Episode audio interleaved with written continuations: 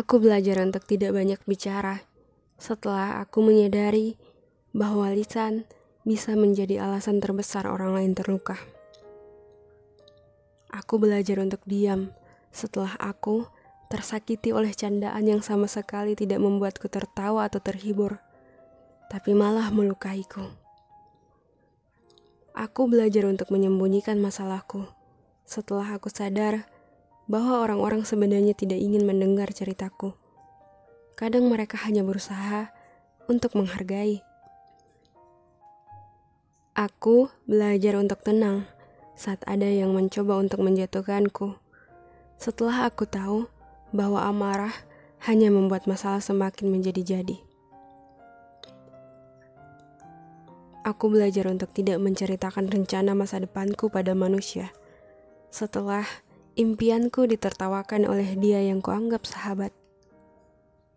Aku belajar untuk memaafkan setelah aku tahu bahwa mendendam hanya menyiksa batinku. Aku belajar untuk tidak mengeluh di hadapan manusia setelah aku tahu bahwa dengan mengeluh aku hanya menghabiskan tenagaku. Dan pada akhirnya, aku harus berusaha sendiri untuk menyelesaikan masalah. Tujuh dari begitu banyak pelajaran hidup yang aku dapatkan dari rasa sakit, dari kekecewaan, dari patah hati. Nyatanya di saat terpuruk, pikiran kita lebih mudah untuk belajar. Rasa sakit yang membekas teramat dalam menjadikan pelajaran itu juga abadi dalam hidup kita. Sedang saat bahagia, kita cenderung mengabaikan teguran. Maka, merasa diri adalah yang paling menderita saat ditimpa ujian dan cobaan adalah kesalahan. Karena Allah menitipkan pelajaran di setiap kejadian. Allah menghapus dosa-dosa di setiap rasa sakit yang kita terima.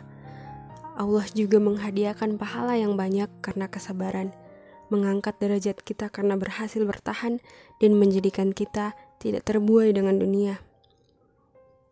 Karena sungguh Hidup yang mudah hanya akan menjadikan manusia lalai. Hidup yang bahagia tanpa hambatan hanya menjadikan manusia serakah.